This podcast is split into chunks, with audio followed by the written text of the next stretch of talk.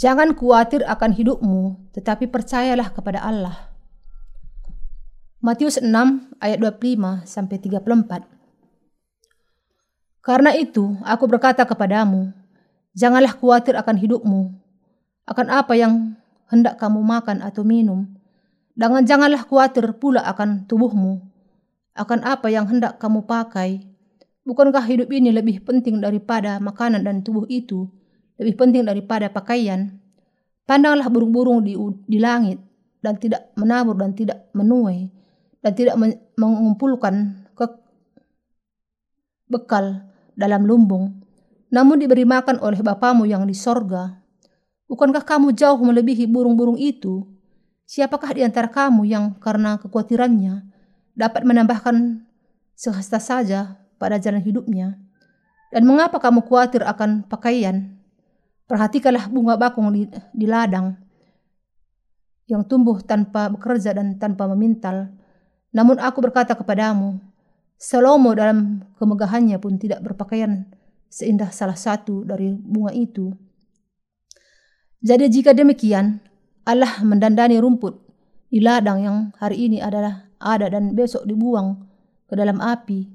Tidakkah ia lebih ia akan terlebih lagi mendandani kamu Hei kamu yang kurang percaya, sebab itu janganlah kamu khawatir dan berkata, apakah yang akan kami makan? Apakah yang akan kami minum? Apakah yang akan kami pakai? Semua itu dicari bangsa-bangsa yang tidak mengenal Allah. Akan tetapi, Bapamu yang di sorga tahu bahwa kamu memerlukan semuanya itu. Tetapi carilah dahulu kerajaan Allah dan kebenarannya, maka semuanya itu akan ditambahkan kepadamu. Sebab itu, Janganlah kamu khawatir akan hari esok, karena hari besok mempunyai kesusahannya sendiri. Kesusahan sehari cukuplah untuk sehari. Kita, orang-orang yang dilahirkan kembali juga, adalah orang-orang yang cenderung khawatir akan masa depan meskipun ia sudah menerima pengampunan dosa. Hal itu adalah kekhawatiran tentang bagaimana saya akan hidup sejak saat ini, apa yang akan saya makan, apa yang akan saya pakai, apa yang harus saya lakukan untuk mencari uang, dan bagaimana saya menjalani kehidupan. Dengan cara ini, di dalam hati kita, kita memiliki hati yang khawatir akan masa depan. Saya melihat bahwa di antara orang-orang yang dilahirkan kembali, yang masih muda, cenderung untuk khawatir tentang sisa hidup mereka, karena mereka tidak memahami bahwa Allah akan menolong mereka dan mereka belum mengalami bahwa Allah menuntun jalan mereka. Tentu saja, sangat alamiah jika kita khawatir karena kita memang manusia.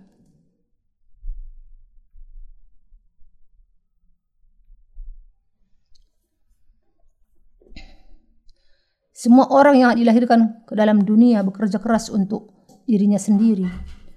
Mereka belum hidup oleh iman kepada Allah dan memiliki kebiasaan hidup dengan sandar kepada usaha dan kekuatan mereka sendiri. Sehingga bahkan setelah mereka dilahirkan kembali, hal yang pertama yang mereka khawatirkan adalah tentang apa yang akan mereka makan, mereka minum dan bagaimana mereka akan hidup. Akan tetapi, Tuhan mengatakan kepada kita apa yang harus dipikirkan terlebih dahulu. Carilah dahulu kerajaan Allah dan kebenarannya, ia mengatakan, carilah kerajaan Allah, kebenaran Allah. Pertama-tama bergabunglah dengan gereja dan usahakanlah melakukan pekerjaan Allah, kerajaannya, dan, menyelamat, dan menyelamatkan manusia. Berdoalah. Kemudian, aku akan memenuhi semua kebutuhan tubuhmu, seperti mengenai makanan, apa yang di, diminum, dan bagaimana menjalani hidup. Saya juga berpikir tentang masa depan saya sesaat setelah saya dibebaskan dari dosa-dosa. Bagaimana saya harus hidup? Apa yang harus saya makan? Apa yang harus saya pakai? Apa yang harus saya lakukan untuk mencari nafkah? Saya khawatir tentang hal-hal itu. Kalau ada seperangkat hal yang pasti untuk saya lakukan, saya pasti akan melakukannya. Tetapi ketika tidak ada hal-hal yang pasti, saya tidak tahu lagi apa yang harus saya lakukan pada saat itu. Orang-orang yang sudah menyimpan sejumlah uang sebelum dilahirkan kembali mungkin agak kurang rasa bingungnya. Akan tetapi, seseorang yang masih sedang di akademi sebelum menerima pengampunan dosa, seperti saya merasa merasa kebingungan yang sangat besar. Saya tidak bisa tidak merasa khawatir tentang bagaimana menjalani kehidupan di dunia ini.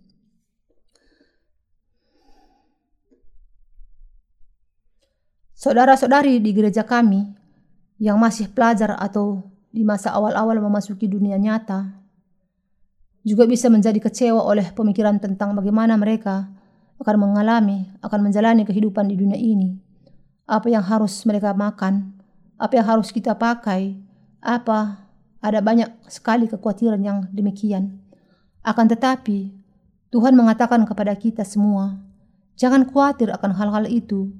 Itulah yang dikhawatirkan oleh orang-orang yang belum dilahirkan kembali.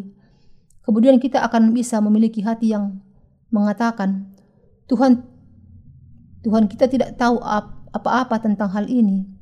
Ini adalah masalah yang nyata dan bagaimana kami bisa tidak khawatir akan hal itu. Masalah tentang makanan, pakaian dan tempat tinggal tergantung kepada hal-hal itu sekarang ini. Bagaimana mungkin kita tidak khawatir akan hal itu? Namun Tuhan mengatakan dengan tegas, Tuhan mengatakan, Itulah yang dikhawatirkan oleh orang-orang yang tidak mengenal Allah. Jangan khawatir tentang hidupmu. Pikirkan terlebih dahulu tentang kebenaran Allah dan jalani kehidupan saat Anda menjalankan kebenarannya.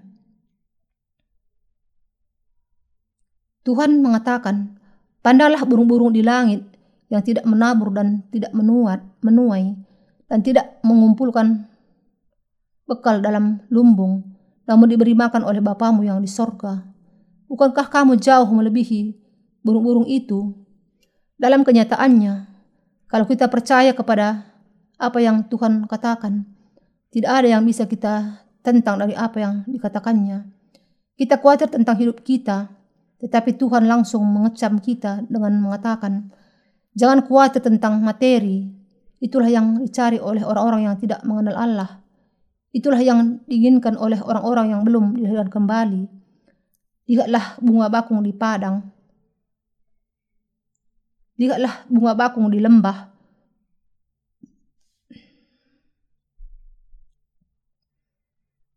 Bagaimana mereka tumbuh? Mereka tidak memintal dan tidak menenun. Kalau Allah demikian menandang, kalau Allah demikian mendandani rumput di ladang sampai sedemikian yang hari ini ada tetapi besok dilemparkan ke perapian Tidakkah ia akan lebih lagi mendandani kamu, hei kamu yang tidak beriman? Saudara seiman yang terkasih, bagaimanakah bunga bakung di padang bertumbuh? Apakah ia secara otomatis mulai bertunas dan bertumbuh serta berbunga? Hal itu terjadi karena Allah mendaburkannya, memberikan sinar matahari yang mereka perlukan, dan memberikan hujan serta membuat mereka berkembang. Tuhan mengatakan bahwa Allah memperhatikan rumput yang tumbuh di padang demikian. Lalu betapa ia lebih memperhatikan Anda, orang-orang benar.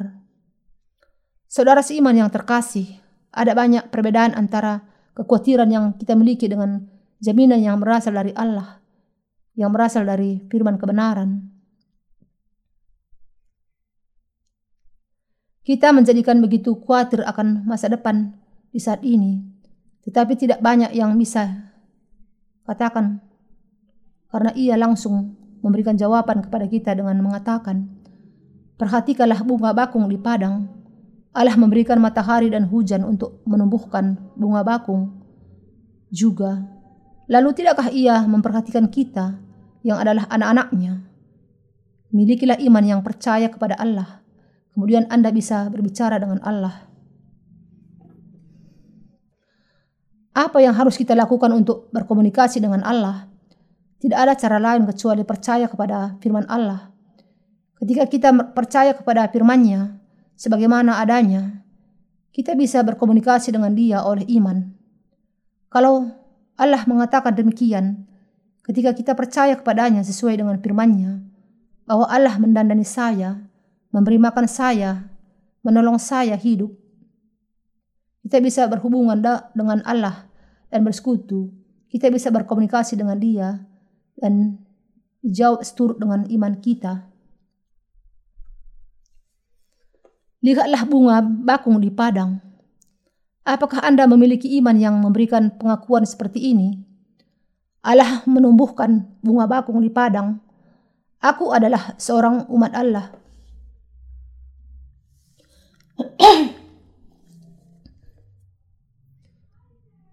seorang anak Allah dan Allah adalah Bapa dan gembalaku. Jadi aku percaya bahwa ia akan memberi makan dan memberi pakaian kepadaku. Satu-satunya cara untuk membuang kekhawatiran kita adalah dengan percaya. Allah, aku percaya kepadamu. Tidak ada kata yang lain selain kata ini di hadapan Allah. Tidak ada kata lain yang bisa kita ucapkan. Saudara seiman yang terkasih, Ketika Tuhan mengatakan sesuatu, bisakah kita mengatakan sesuatu yang berbeda untuk membatahkannya? Dalam bagian Alkitab hari ini, Allah berjanji bahwa Ia akan menyediakan segala sesuatu yang kita perlukan ketika kita menyadari mencari dahulu kerajaannya dan kebenarannya. Ketika kita menetapkan bagian ini untuk kita sendiri dengan iman, kita tidak bisa mengatakan apa pun yang lain kita tidak bisa mencari alasan selain bahwa kita memang kurang beriman. Aku bisa memelihara bunga bakung di padang.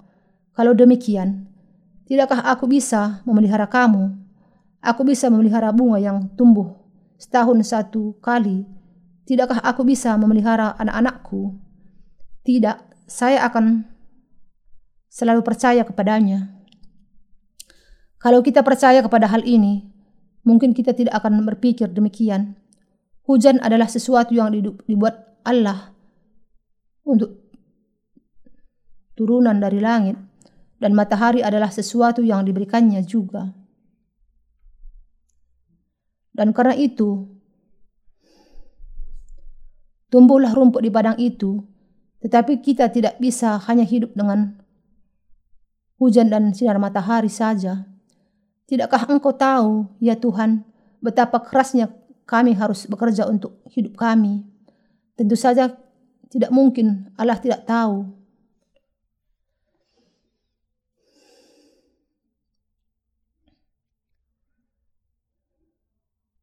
Kalau Allah mengatakan bahwa Ia mengenal kita semua, maka kita harus percaya bahwa Allah juga akan memberikan kemampuan, hikmat, dan berkat yang akan memampukan kita untuk hidup di dunia ini juga.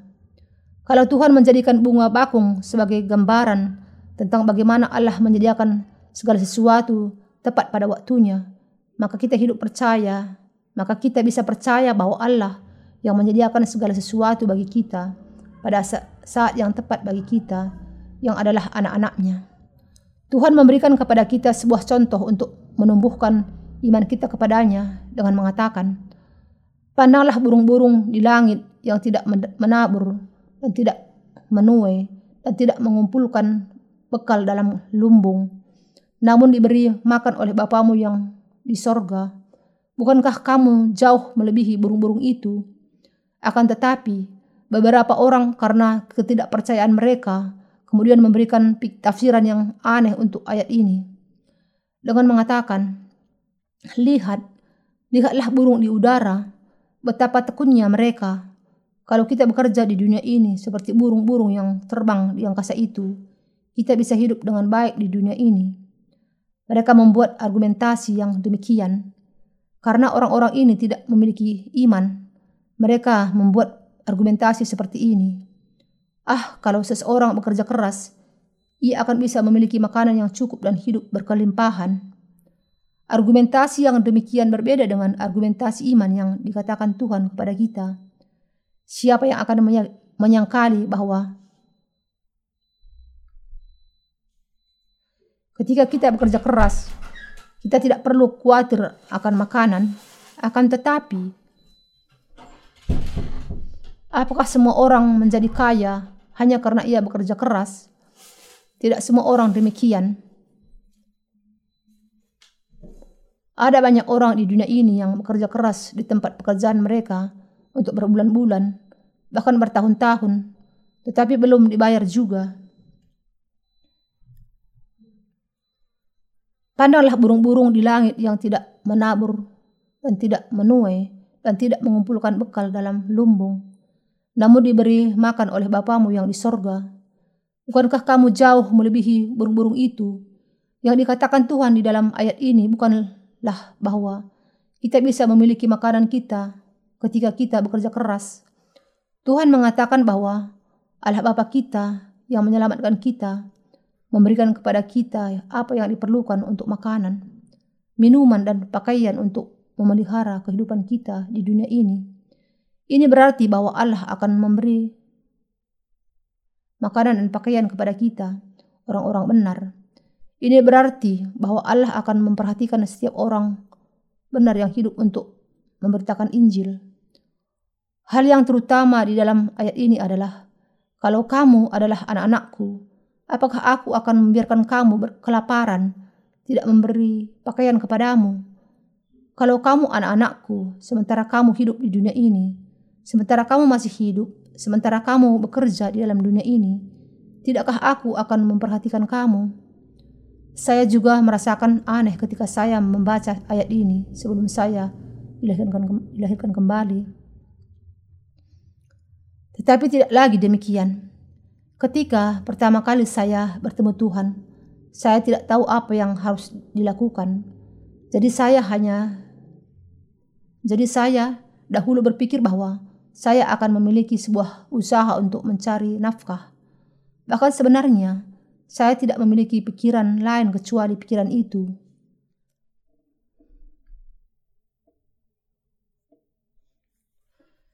Saya sungguh-sungguh bingung ketika pertama kali bertemu dengan Tuhan melalui Injil air dan roh.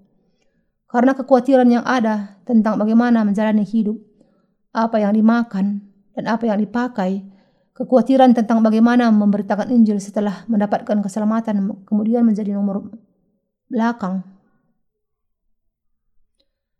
Tentang bagaimana saya bersekutu dengan gereja Allah juga menjadi nomor belakang dan saya sangat terbebani dengan apa yang harus saya lakukan sementara saya sibuk dengan usaha saya untuk mencari nafkah.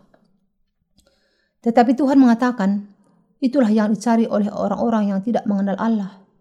Akan tetapi, saya memberontak kepada firman Allah dengan sering mengatakan, ini adalah akal budimu dan akal budimu ini adalah akal budimu dan akal budi saya tidak bisa mengikutinya. Dahulu, jika saya memandang ke depan untuk melihat bagaimana saya harus menjalani kehidupan, nampaknya sangat gelap. Ketika saya melihat keadaan di sekitar saya, bahkan semakin buruk karena saya tidak tahu apa yang harus dilakukan. Saya tidak tahu apa-apa pada saat itu. Tetapi saat tetapi satu hal yang saya yakin adalah bahwa Allah menjadi Bapa dan bahwa Tuhan sudah menghapuskan segala dosa saya. Dan kemudian Tuhan mengatakan, sesungguhnya sekiranya kamu mempunyai iman sebesar biji sesawi saja, kamu dapat berkata kepada gunung ini, pindah dari tempat ini ke sana, maka gunung ini akan pindah dan takkan ada yang mustahil bagimu. Ini berarti bahwa Tuhan memberikan kepada saya Injil kebenaran yang memampukan saya hidup oleh iman, dan ia juga mengatakan kepada saya, tetapi carilah dahulu kerajaan Allah dan kebenarannya, maka semuanya itu akan ditambahkan kepadamu. Ah, beginilah cara kita bisa hidup. Saya menetapkan hati saya untuk pekerjaan Allah. Saya berpegang kepada firman ini dan mulai berdoa untuk segala sesuatu yang saya perlukan. Saya berdoa. Allah Bapa, saya tidak memiliki uang sedikit pun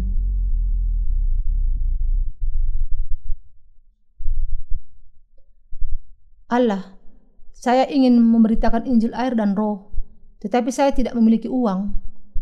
Berikan saya uang. Berikan saya materi. Saya tidak memiliki gedung. Berikan saya gedung gereja. Berikan kepada saya jiwa-jiwa. Saya berusaha untuk mempersiapkan buku-buku untuk memberitakan Injil air dan roh. Tetapi saya tidak memiliki penerbitan. Berikan saya penerbitan.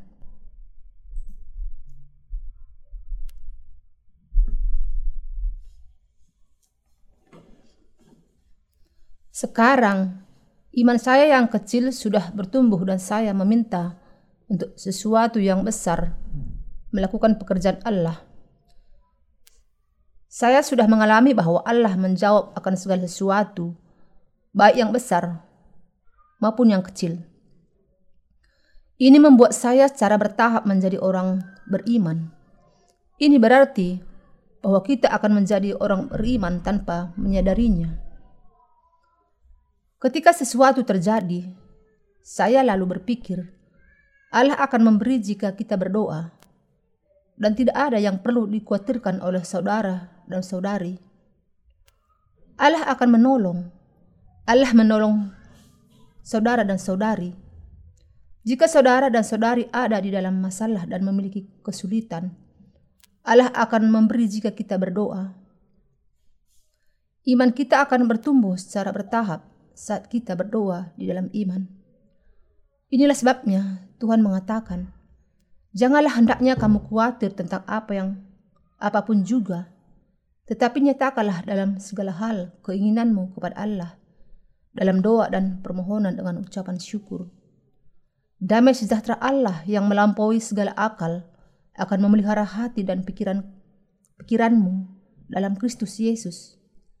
Filipi 4 ayat 8 ayat 6 sampai 7. Allah kita bisa memberikan dengan berlimpah melebihi segala sesuatu yang bisa kita minta atau pikirkan. Efesus 3 ayat 20.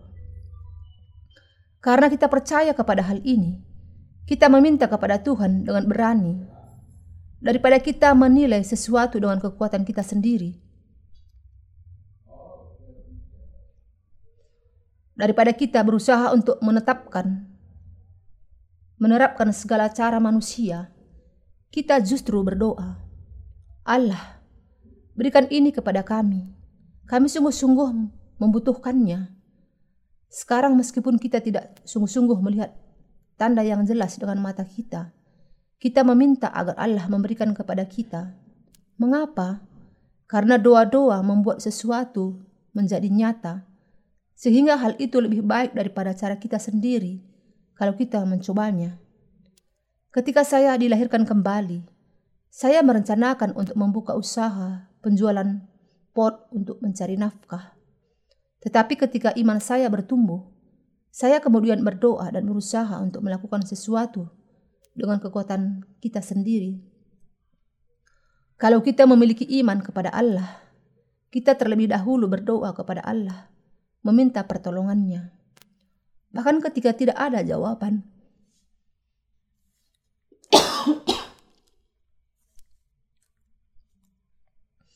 Kita bisa dengan tekun berdoa. Allah, lakukan hal ini untuk kami. Lakukan ini untuk kami.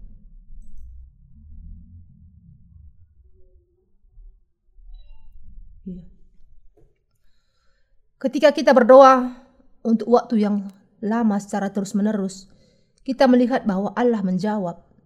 Dengan demikian, kita menerus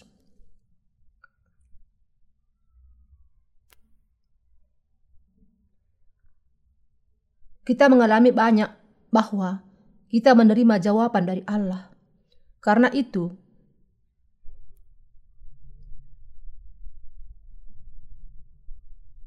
kita menjadi orang beriman. Kita kemudian memiliki iman yang kuat yang percaya kepada Allah kita.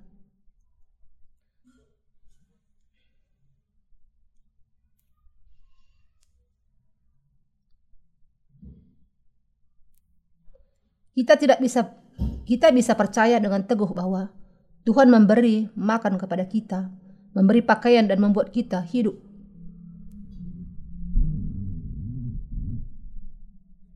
Ketika kita hidup bagi kebenaran Allah, kita mengembangkan iman kita kepada Allah. Karena itu, ketika kita bekerja bagi kebenaran Allah, kita tidak khawatir akan apa yang akan kita makan sejak saat itu, atau apa yang akan kita minum dan pakai. Setiap kali kita memerlukan sesuatu, kita akan berdoa. Allah, berikan kepada kami lagi. Berikan materi kepada saudara-saudara anu. Berikan kepada kami kesehatan. Berikan kami ini, berikan kami itu. Kita lalu berdoa. Ini tidak berarti bahwa kita hanya mau duduk dan berdoa dan tidak mau melakukan apa pun. Kita harus berdoa terlebih dahulu dan kemudian mencari kebenaran Allah. Kemudian Allah akan memberikan kepada kita apa yang kita perlukan untuk makan, minum, dan berbagai hal yang diperlukan untuk hidup dan juga segala sesuatu yang lain. Saya berharap bahwa Anda akan percaya bahwa Ia memberikan segala sesuatu. Nyatakan kita bisa hidup dan bekerja dengan baik sampai hari ini karena Allah yang menyiapkan segala sesuatu untuk kita. Karena itu, untuk masa depan juga, Allah akan sungguh-sungguh memberikan kepada kita orang-orang benar apa yang kita perlukan untuk kita pakai, makan dan minum yang memang kita perlukan untuk hidup kita. Bukan hanya itu, segala sesuatu yang lain yang kita minta bagi kerajaan Allah akan diberikan Allah secara berkelimpahan. Saudara-saudari, inilah sebabnya adalah sebuah berkat untuk hidup hidup bagi Allah.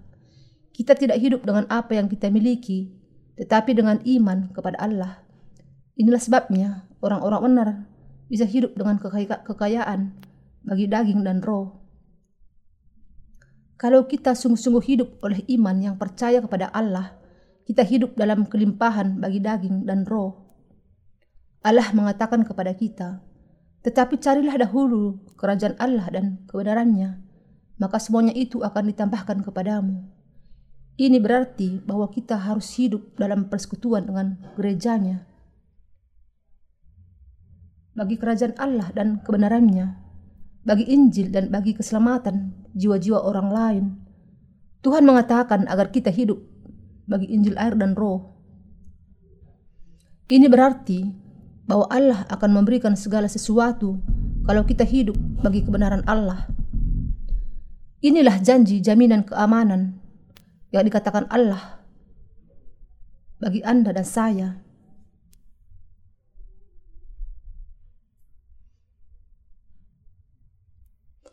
Inilah perjanjian yang Allah buat dengan kita yang dilahirkan kembali. Kalau kita memberikan hati dan hidup kita kepada Injil Allah, Allah pasti akan menjamin keamanan kehidupan kita dengan mencukupi apa yang kita makan, minum, dan pakai. Allah paling tidak akan menjamin bahwa kita akan hidup dengan kekayaan bagi daging dan tubuh kita. Saudara seiman yang terkasih, hiduplah bagi Allah Apakah Anda khawatir tentang kehidupan Anda? Hiduplah bagi Injil Allah. Hiduplah bagi Injil air dan roh.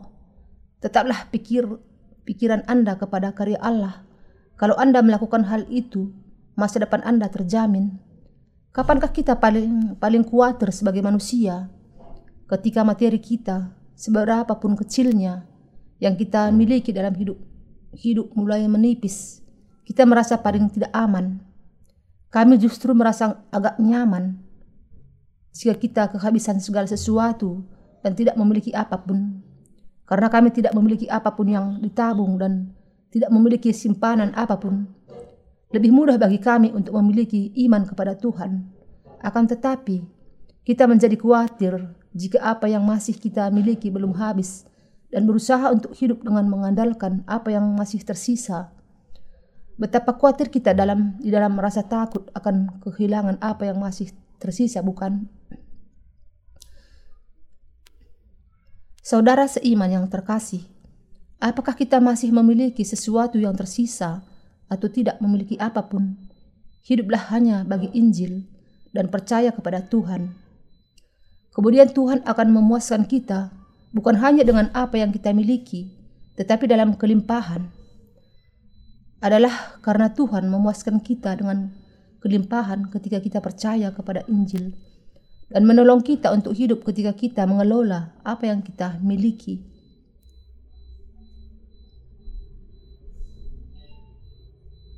Demikianlah Tanamkan di dalam pikiran kita apa yang tertulis dalam bagian hari ini.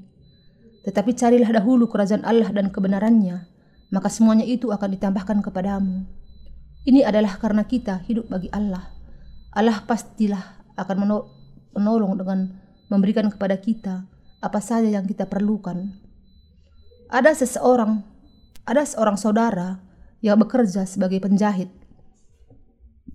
Orang tidak mendapatkan banyak uang dengan menjadi penjahit.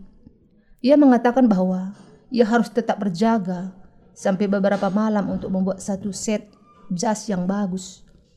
Jadi ketika ia harus bekerja, banyak bagi gereja, ia akan kehilangan banyak kesempatan mendapat uang. Kemudian ia mulai berdoa kepada Tuhan. Sejak saat itu,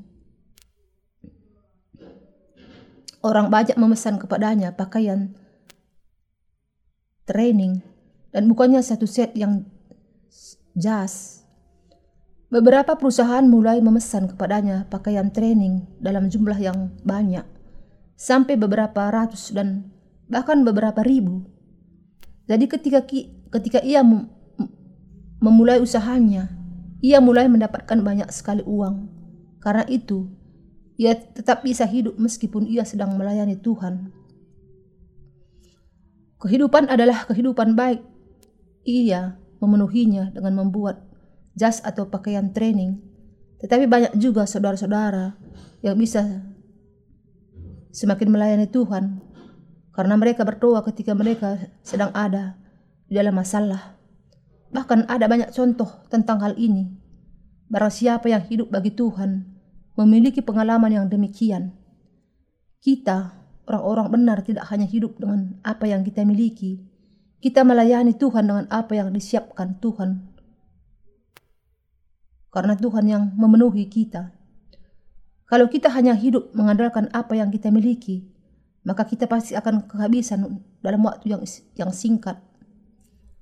Ada seseorang janda di Sarfat pada masa orang lain.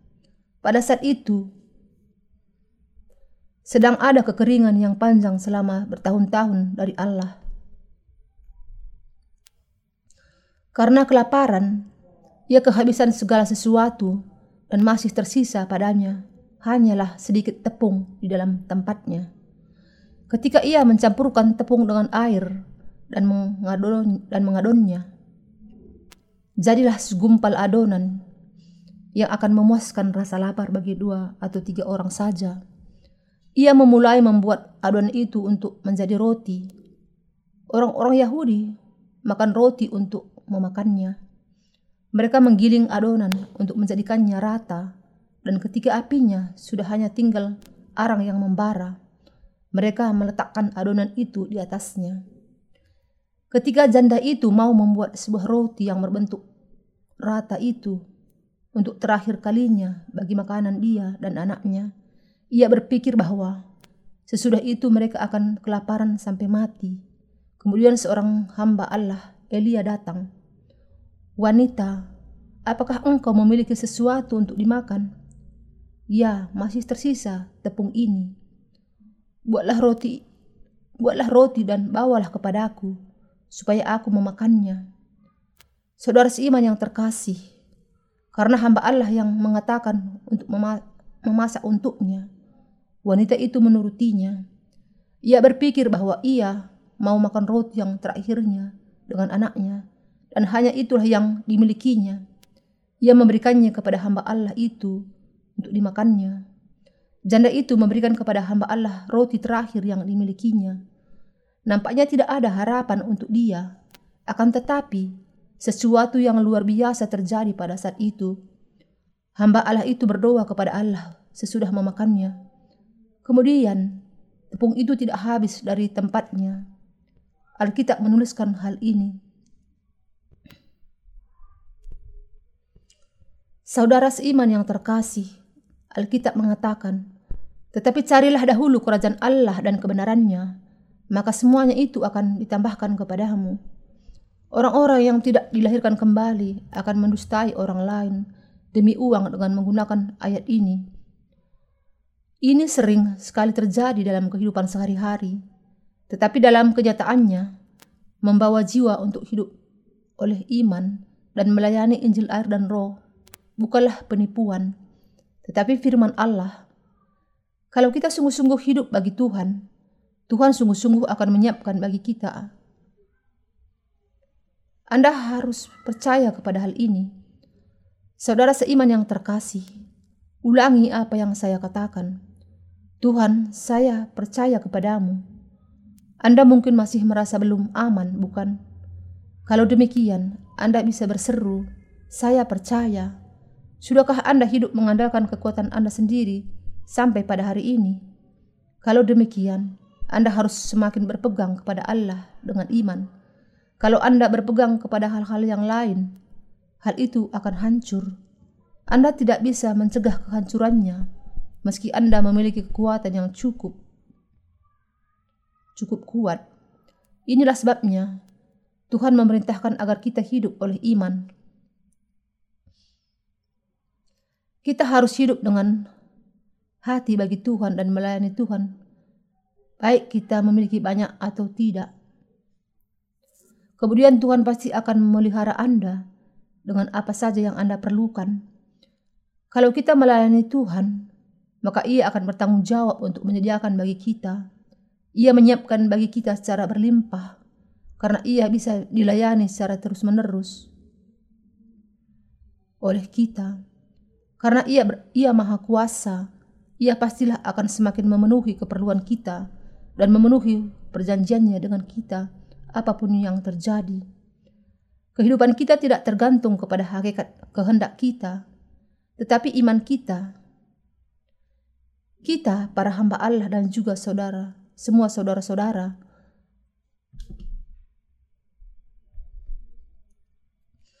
Harus hidup oleh iman, iman yang mengalami apa yang dilakukan Allah kepada mereka ketika mereka hidup bagi Tuhan. Kalau kita hidup bagi diri kita sendiri, iman kita tidak akan bertumbuh. Ketika kita hidup bagi Tuhan, iman kita akan bisa bertumbuh secara bertahap. Saudara seiman yang terkasih, Apakah Anda tahu bahwa berkat-berkat Allah adalah seperti sebuah bonus bagi orang-orang yang hidup oleh iman? Bonus adalah sesuatu yang diberikan sebagai tambahan dari apa yang biasa atau yang diharapkan. Allah memberikan banyak bonus di samping keselamatan darinya. Kita hidup karena Allah memberikan kepada kita banyak berkat sebagai bonus. Kalau ia tidak memberikan bonus apa pun kepada kita, dan hanya memberikan apa yang layak kita terima, maka kita tidak akan bisa hidup. Kalau kita hanya menerima hasil pekerjaan itu, bukankah orang-orang yang malas sudah pasti akan mati? Allah memberikan banyak hal di dalam bonus, dan itu adalah bagian dari berkat-berkatnya. Dan kita hidup bersama-sama dengan Allah dan memberikan anugerahnya kepada kita. Karena itu, kita hidup oleh iman yang percaya kepada Allah yang menyelamatkan kita. Saudara seiman yang terkasih, kalau kita percaya kepada Allah, kemudian Allah bekerja di dalam kita, percayalah kepada Allah, percayalah kepada Allah meskipun berat. Janji Allah adalah bahwa Ia akan mendengarkan kita jika kita percaya kepadanya. Tetapi carilah dahulu kerajaan Allah dan kebenarannya, maka semuanya itu akan ditambahkan kepadamu. Alami lah bagaimana Allah memberikan semuanya itu kepada Anda ketika Anda hidup. Maksud saya, Anda harus mengalami bagaimana Allah memenuhi, bagaimana Ia menyediakan bagi Anda.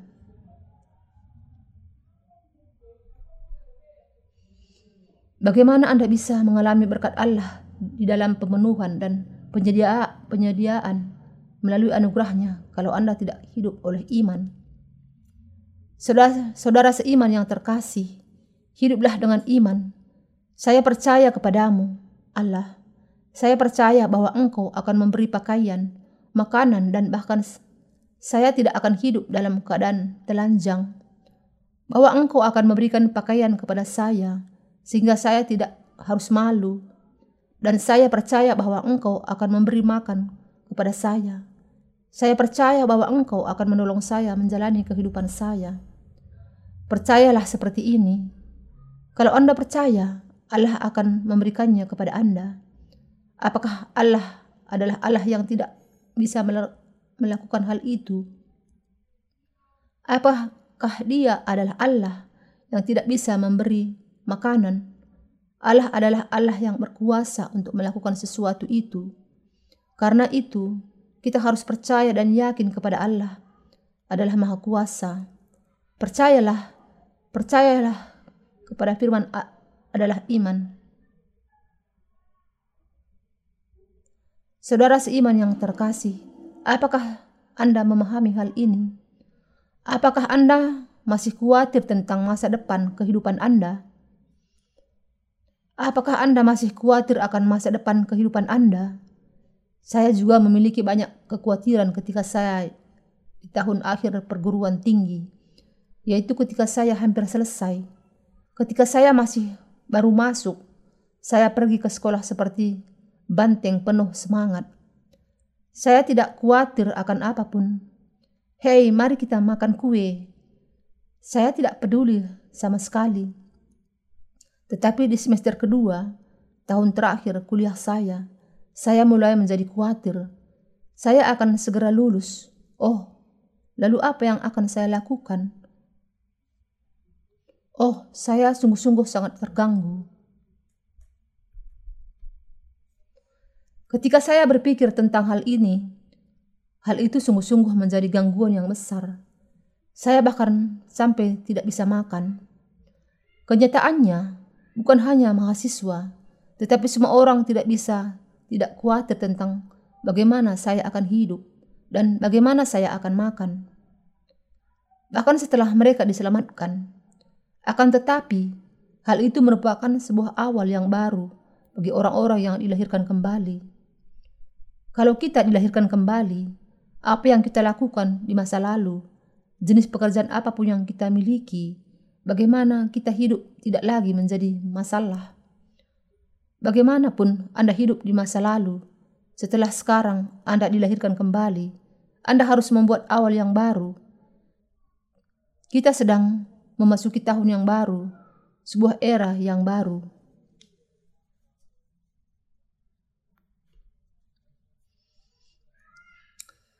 Di dalam keluaran 12 ada tertulis, Bulan inilah akan menjadi permulaan segala bulan bagimu. Itu akan menjadi bulan pertama bagimu tiap-tiap tahun. Keluaran 12 ayat 2. Allah memberikan kalender yang baru kepada bangsa Israel untuk memperingati keluarnya mereka dari Mes dari Mesir, keluar dari perbudakan mereka. Peristiwa keluaran adalah awal yang baru bagi sejarah bangsa Israel. Mereka menyeberangi Laut Merah, Laut Kematian, dan menetapkan langkah yang pertama mereka menuju ke tanah perjanjian. Mereka bukanlah budak milik Firaun lagi, tetapi sudah menjadi umat Allah. Demikianlah juga, sejak saat kita dilahirkan kembali, kita adalah ciptaan baru. Inilah sebabnya kita bisa secara total memulai kehidupan baru yang sama sekali berbeda. Ini bukanlah perpanjangan dari kehidupan yang lalu. Sekarang kita adalah orang-orang yang mati dengan Kristus dan bangkit kembali dengan Dia dan memiliki kehidupan yang baru sebagaimana tertulis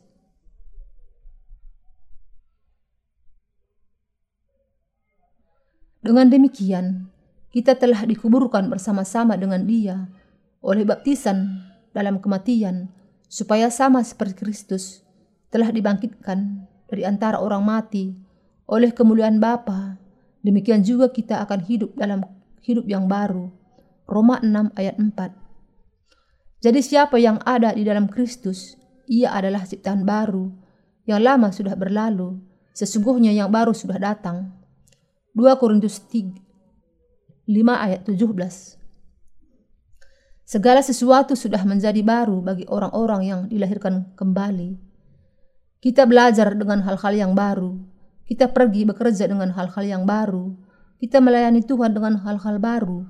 Dan kita hidup dengan hal-hal baru. Mari kita hidup dengan hal-hal yang baru sejak saat ini.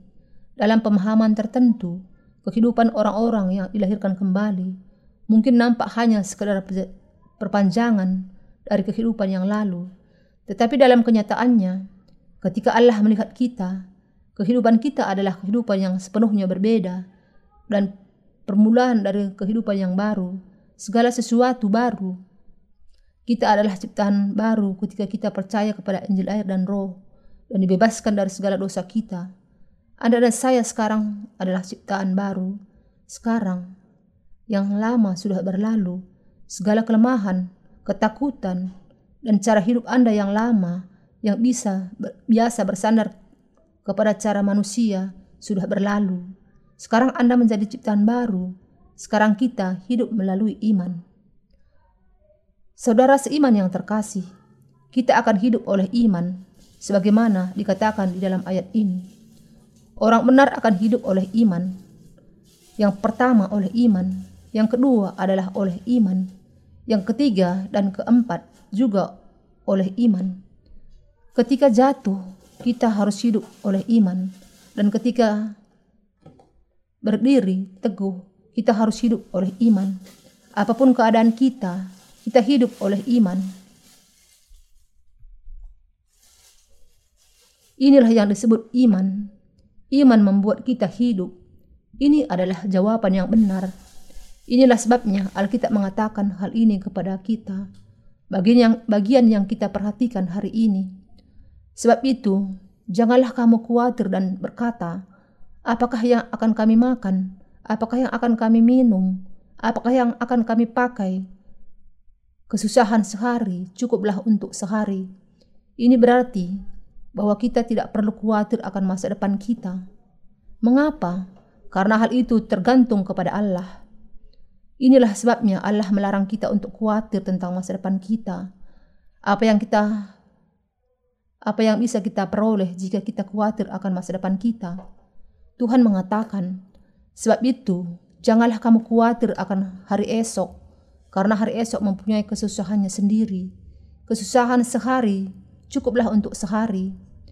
Kita harus hidup hari ini ataupun besok dengan iman. Kita menantang masa depan dengan iman di hadapan Allah. Kita meminta kepada Allah dengan iman. Allah, lakukan ini untuk saya. Lakukan ini untuk saya.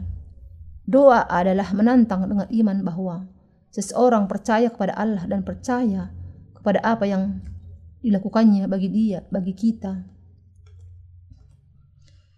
Itulah yang bisa kita lakukan dan kehendak serta ikrar kita sendiri tentang apa yang akan kita lakukan di masa yang akan datang adalah sesuatu yang tidak berguna. Kita tidak bisa menjamin masa depan atau diri kita sendiri tentang sesuatu. Tidak ada sesuatu pun yang pasti. Itulah sebabnya Allah, Tuhan atas alam semesta mengatakan kepada kita firman yang kita pelajari hari ini. Sehingga kita tidak harus khawatir tentang apa yang kita makan, minum dan pakai Saudara seiman yang terkasih, kita jangan sampai khawatir tentang bagaimana kita hidup, bagaimana tubuh kita akan dipelihara. Mari kita berhenti khawatir.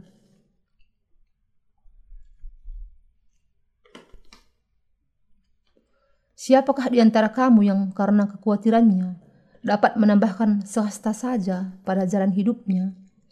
Saya sudah setinggi ini, tetapi saya tidak akan bertambah tinggi bahkan satu sentimeter sekalipun karena kekhawatiran saya bukan?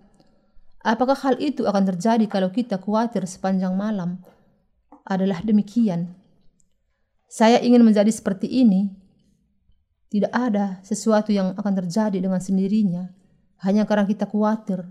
Apakah kita mendapatkan makanan atau kita mendapatkan uang? Kita tidak perlu khawatir tentang apa pun, tetapi dalam segala sesuatu dengan doa dan permohonan, Naikkanlah permintaan kita kepada Allah. Berdoalah dengan tekun dan minta dengan iman kepada Allah. Itulah yang harus kita lakukan. Percaya dan berdoa adalah yang harus kita lakukan. Kalau Anda khawatir, mintalah pertolongan kepada Allah. Saudara sesama Kristen, jalanilah kehidupan Anda dengan percaya kepada Allah. Apakah Anda mengerti? Iya. Kita hidup kalau kita percaya, tapi kita mati kalau tidak percaya. Saudara seiman yang terkasih, kalau Anda tidak percaya kepada Allah, Anda akan mati. Kalau Anda bersandar kepada semua milik kepunyaan Anda, semuanya akan habis. Sebagaimana kulit kacang terbuka dan kacangnya keluar, demikian juga semua harta Anda akan habis. Berapa banyak kacang di dalam sebuah kulit kacang? Apakah ada seratus kacang? Tidak, hanya empat atau lima kacang. Saudara seiman yang terkasih, mari kita pikirkan akan hal ini. Bisakah Anda menjalani kehidupan Anda hanya dengan apa yang Anda miliki saja? Seperti kekuasaan, kemampuan, kesehatan, dan kekayaan Anda. Maksud saya Anda bahkan tidak bisa memastikan apakah Anda bisa atau tidak melakukan sesuatu semua tanggung jawab Anda kepada anak-anak Anda atau orang tua Anda, saudara seiman yang terkasih, bisakah Anda memastikan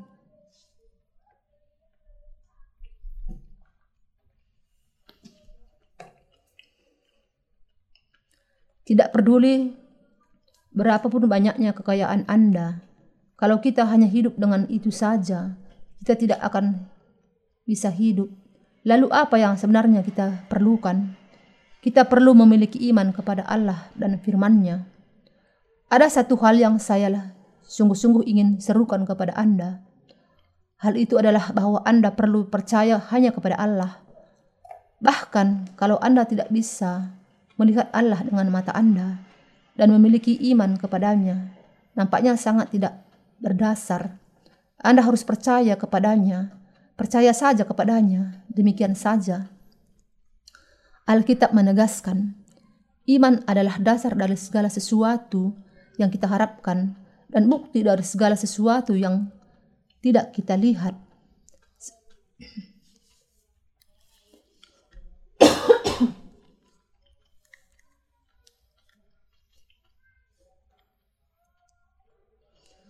Sebab oleh imanlah telah diberikan kesaksian kepada nenek moyang kita.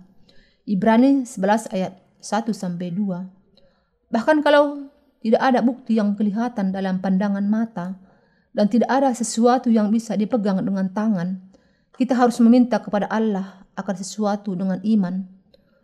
Allah, berikan kepada saya.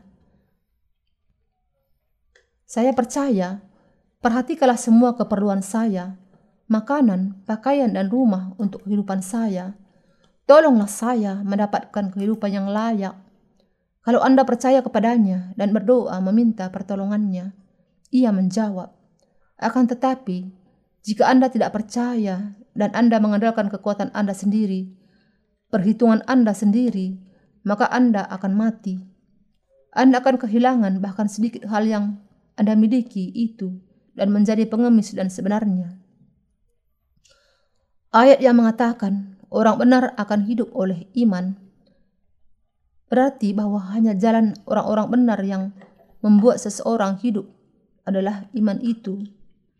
Orang benar akan hidup oleh iman. Roma 1 ayat 17. Ibrani 10 ayat 38. Saudara iman yang terkasih, tidak ada sesuatu selain iman yang percaya kepada Allah